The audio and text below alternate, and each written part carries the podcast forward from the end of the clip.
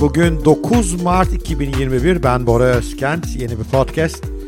Doğru karar nasıl alınır, uzun vadeli nasıl düşünülür? Yine bunlar konusunda biraz daha konuşmaya devam edeceğiz.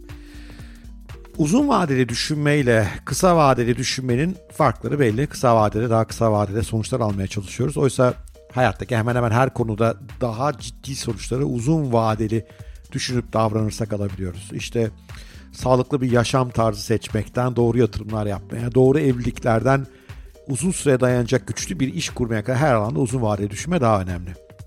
Fakat sorun şu ki hayattaki kararlarımızın büyük bölümünde doğru verilere, doğru zaman vadesine bakmıyoruz. Yani aslında kısa vade için kritik olan verilere bakıp bunlardan uzun vadeli kararlar almaya çalışıyoruz. Veyahut da uzun vade için kritik olan verilere bakıp bunlardan kısa vadeli kararlar almaya çalışıyoruz. Biraz karışık gelmiş olabilir konu. Bunu biraz yatırımcı perspektifiyle sizlere anlatmaya çalışacağım. Ve iki ayrı veri setini yani kısa vadeli veri setlerini ve uzun vadeli veri setlerini kısa vadeli veri setlerini kısa vadeli düşünme, uzun vadeli veri setlerini ise uzun vadeli düşünme konusunda size ilginç şeyler anlatacağım. Bakalım hoşunuza gidecek mi? Başlayalım. Şimdi son zamanlarda işte kolay örnek olsun diye benim sevgili Tesla'mdan gidelim. Çünkü sizler uzun zamandır Tesla konusunda konuşuyoruz. Hani bir ortak alanımız doğdu. Üzerine konuşmak daha rahat hale geliyor. E, son zamanlarda işte epey çok üretici firma elektrikli araçlar üretiyorlar. Bunlar da piyasaya giriyor. Ford'u, Volkswagen'i, Volvo'su, Mercedes'i hepsi elektrikli araç üretiyor. Bazıları gayet hoş araçlar açıkçası.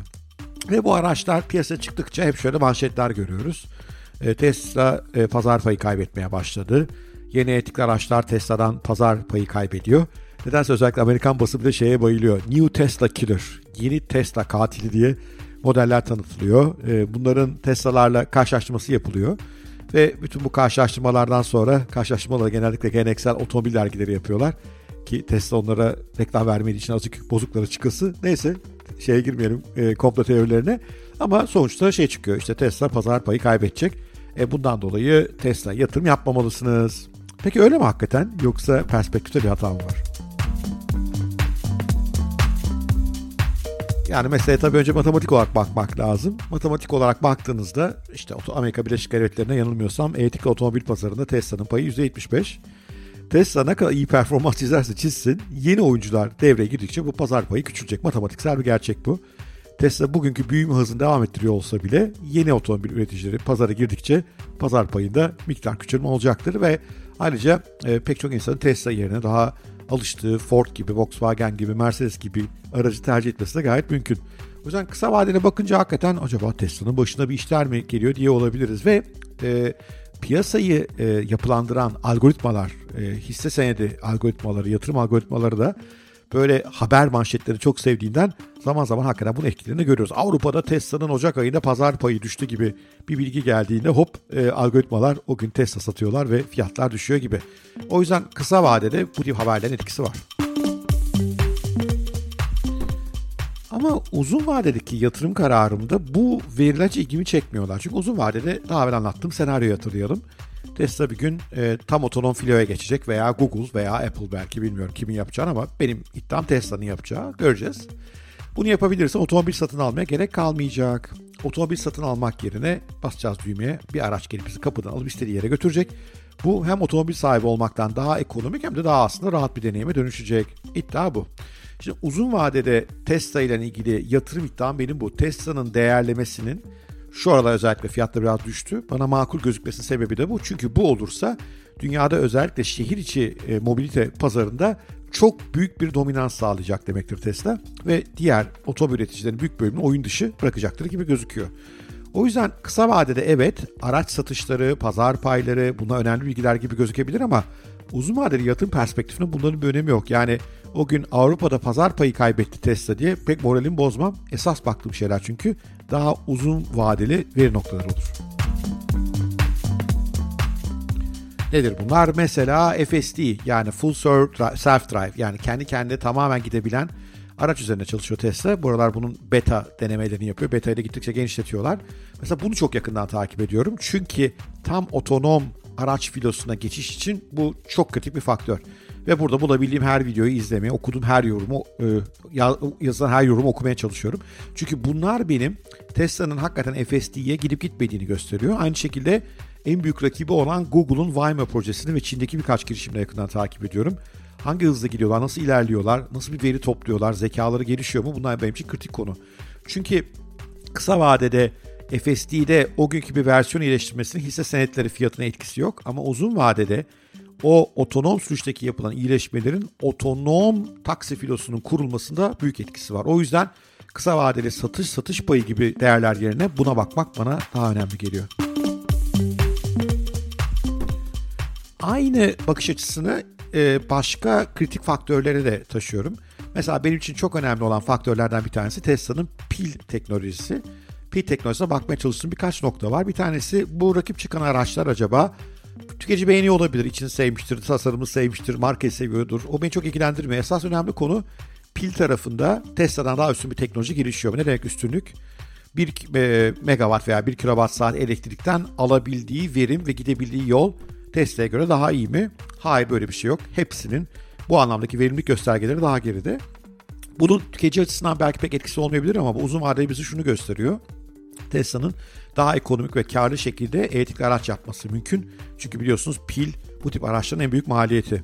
Ayrıca bu pillerin sırf menzili önemli değil. Pillerin toplam dayanıklılığı da önemli. Mesela eğer bir otonom taksi filosuna geleceksek işte bu araçların hem 400-500 mil e, menzile sahip olması lazım. Öbür türlü araba çok sık mola vereceğinden ekonomik olarak verimsiz olacaktır e, bir taksi filosunda. Hem de toplamda o pilin dayanıklılığı önemli. O yüzden mesela Tesla'nın üzerinde çalıştığı 1 milyon mil dayanabilen pil benim için çok önemli.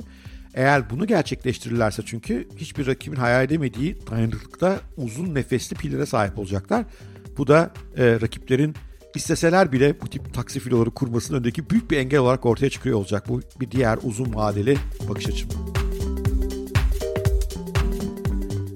Benzer bakış açısı e, yani kısa vadeli ve uzun vadeli bakış açısı farklılıkları ve bundan dolayı incelediğim veri setinin farklı olmasını Bitcoin'de de e, görüyorum ben. Bitcoin'de kısa vadede her şeyden etkilenebiliyor. İşte teknik analiz tabii yani grafikler neyi gösteriyor? O sıralar pazar almaya mı iştahlı, satmaya mı iştahlı? Bir takım katalist haberler. Elon Musk aldı, işte Bitcoin aldı, hop yükseliyor gibi. Veya kısa vadeli ters yöndeki katalistler işte Yellen e, diyor ki ben Bitcoin'i sevmiyorum diyor gibi. E, veyahut da tabii makro ekonomi yani işte ABD'de faizlerin yükselmesi, borsa hareketleri bütün bunlar Bitcoin'in fiyatını etkiliyorlar. Bunlar Bitcoin'in fiyatını ama kısa vadede etkiliyor. Yani kısa vadede düşürüyor veya yükseltiyor. Uzun vadedeki perspektifimde ise bunların hiçbir önemi yok. O yüzden benim Bitcoin portföyümde de iki Bitcoin portföyüm var öyle söyleyebilirim. Birisi kısa vadeli portföy. O bu dediğim gelişmelere göre burada alıyorum, satıyorum. E, grafikteki okumalarıma göre alıp satıyorum. Beklentilerime göre işte kısa vadedeki haber akışı beklentilerime göre alıp satıyorum. Burası kısa vadeli bakış ama uzun vadeli baktığım veri noktaları bunlar değil. Uzun vadede baktığım veri noktaları daha ziyade Bitcoin network'ünün gücü ve Bitcoin adaptasyonu ile ilgili.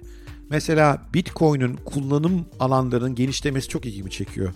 Bu konuda okuduğum haberler çok ilgimi çekiyor. İşte geçenlerde paylaştım. Afgan kadınlara işte kendileri yazılım öğrenmek isteyen Afgan kadınlara Bitcoin aracılığıyla yardım ediliyormuş. Bu beni etkiliyor. Ukrayna'daki nükleer enerji santralleri e, enerji fazlalarını Bitcoin'e dönüştürüp e, ekonomik karlılıklarını artırmak için Bitcoin'i artırıyor kullanıyor. Çünkü biliyorsun Bitcoin için enerji tüketimi gerekiyor. Bu beni daha çok ilgilendiriyor. Yani adaptasyon deyince hem tüketici tarafındaki adaptasyon hem kurumların adaptasyonu yeni kullanım alanlarının ortaya çıkması gerektiriyor. Bu beni çok ilgilendiriyor ve bununla ilgili haberler uzun vadeli bakış açımı çok değiştiriyor. Böyle haberler akmazsa moralim bozuluyor. Böyle haberler akarsa uzun vadeli Bitcoin portföyümü daha da güçlendirmenin yolunu arıyorum. Bunların yanı sıra tabii ki e, regülatif adaptasyon önemli. E, Bitcoin'in e, regülatif olarak sorunlu bir varlıktan çünkü şu anda bu konu sorunlu ve kritik bir varlık, riskli bir varlık açıkçası. Daha sorunsuz bir varlığa doğru dönüşümüyle ilgili haberler çok ilgimi çekiyor. İşte ABD'de şu anda ABD SPK'sının başına geçen beyefendinin bir büyük Bitcoin dostu olması çok ilgimi çekiyor mesela. Veyahut Kanada'da e, Bitcoin tabanlı ETF'lerin oluşması ortama ilgimi çekiyor. Amerika'da e, Florida eyaletinin e, varlıklarını Bitcoin'e taşıyor olması ilgimi çekiyor. E, ABD'de ve Galiba Türkiye'de de yakında olacak. Bitcoin kazançlarının vergilenmesi ilgimi çekiyor. Bu olumsuz anlamda değil, olumlu anlamda. Çünkü vergileniyor olması demek devletin onu yasal kabul etmesi demektir. Yani düşünün Türkiye'de işte bahis siteleri legal, sigara legal, alkol yas- legal. E, devlet bunları pek hoşlanmıyor biliyorum ama yüksek vergi alıyor diye de yasaklamıyor sonuçta. O yüzden vergi alınan şeyler hoşuma gidiyor.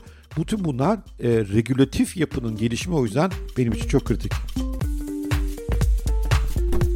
Bir de tabii e, Bitcoin Network'ünün gücü beni ilgilendiriyor. Acaba işte Bitcoin üzerindeki miner sayısı nasıl? Miner konsantrasyonu aşırı mı arttı? Minerlar motive mi değil mi? Bitcoin'i ayakta tutan notların sayısında nasıl bir gelişme var? E, not kurmak kolaylaşıyor mu, zorlaşıyor mu? Böylece Bitcoin e, algoritmasının düzgün çalıştığını, kurallara uygun çalışıp çalışmadığını inceliyorlar mı? Bitcoin transfer maliyetlerinde aşırı artış var mı yoksa kontrol altında tutuluyor mu? Bitcoin hash rate doğru çalışıyor mu? Bitcoin'in bize söz verdiği teknolojik konular işte 21 milyon üzerinde üretim olmayacak. Asla çifte ödeme olmayacak. Yani bir kişi eldeki Bitcoin'i iki kişiye birden e, yollayamayacak. E, bunu kontrol edecek sistem. Bunlar doğru işliyor mu işlemiyor mu? Burada da baktıklarım bunlar ve bunlarda göreceğim sorun uzun vadeli perspektifi elbette değiştirecektir. Aslında bu anlattığım bakış açılarını her şeye uygulayabilirsiniz. Mesela bir karı koca ilişkisine bakın. Ee, karı koca ilişkisinde de kısa vadede bir sürü sorun yaşanabiliyor. Birbirinizi kıracak şeyler olabiliyor. Birbirinizin huyundan hoşlanmıyorsunuz vesaire. E, bunlar tabii üstte çok birikirse uzun vadeli sorunlara dönüşebiliyor ama işte ne bileyim haftada bir gün 15 günde bir küçük bir çatışma yaşayıp ama sonra aslında birbirinizin hayatına kattığınız güzelliklerin daha fazla olduğunu hep fark ediyorsanız uzun vadede o evliliğin güçlenmesi için sürekli karşılıklı katkıda bulunduğunu görüyorsanız o zaman evlilik ilişkisi güçleniyor. O yüzden kısa vadede evet eşinize o gün bir şey gıcık olup küsebilirsiniz ama uzun vadedeki veri noktanızın bu olmaması lazım. Uzun noktadaki vadedeki veri noktası güvenilir bir eş mi, açık sözlü bir eş mi, size yardımcı olmayan, hayallerinizi gerçekleştirmeye çalışan bir eş mi değil mi? Ona bakmak lazım bence. Bu benzer bakış açısını girişimciye de taşıyabiliriz.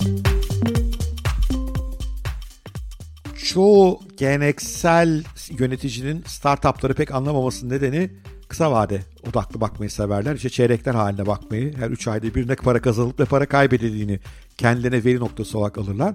Oysa startuplar çok uzun vadede e, başarıya ulaşabilen yapılar. O yüzden iyi startup yatırımcılarının startuplarla baktıkları veri noktaları farklıdır. Onlar kısa vadeli nakit akışı, kısa vadeli kar zarar, kısa vadeli satış büyümesiyle ilgilenmezler. Daha çok ilgilendikleri konu startup kurucuları yeni şeyler öğrenmeye devam ediyor mu? Tüketici adaptasyonunu daha kuvvetli hale getirmek için e, fikre yeni uygulamalar var mı?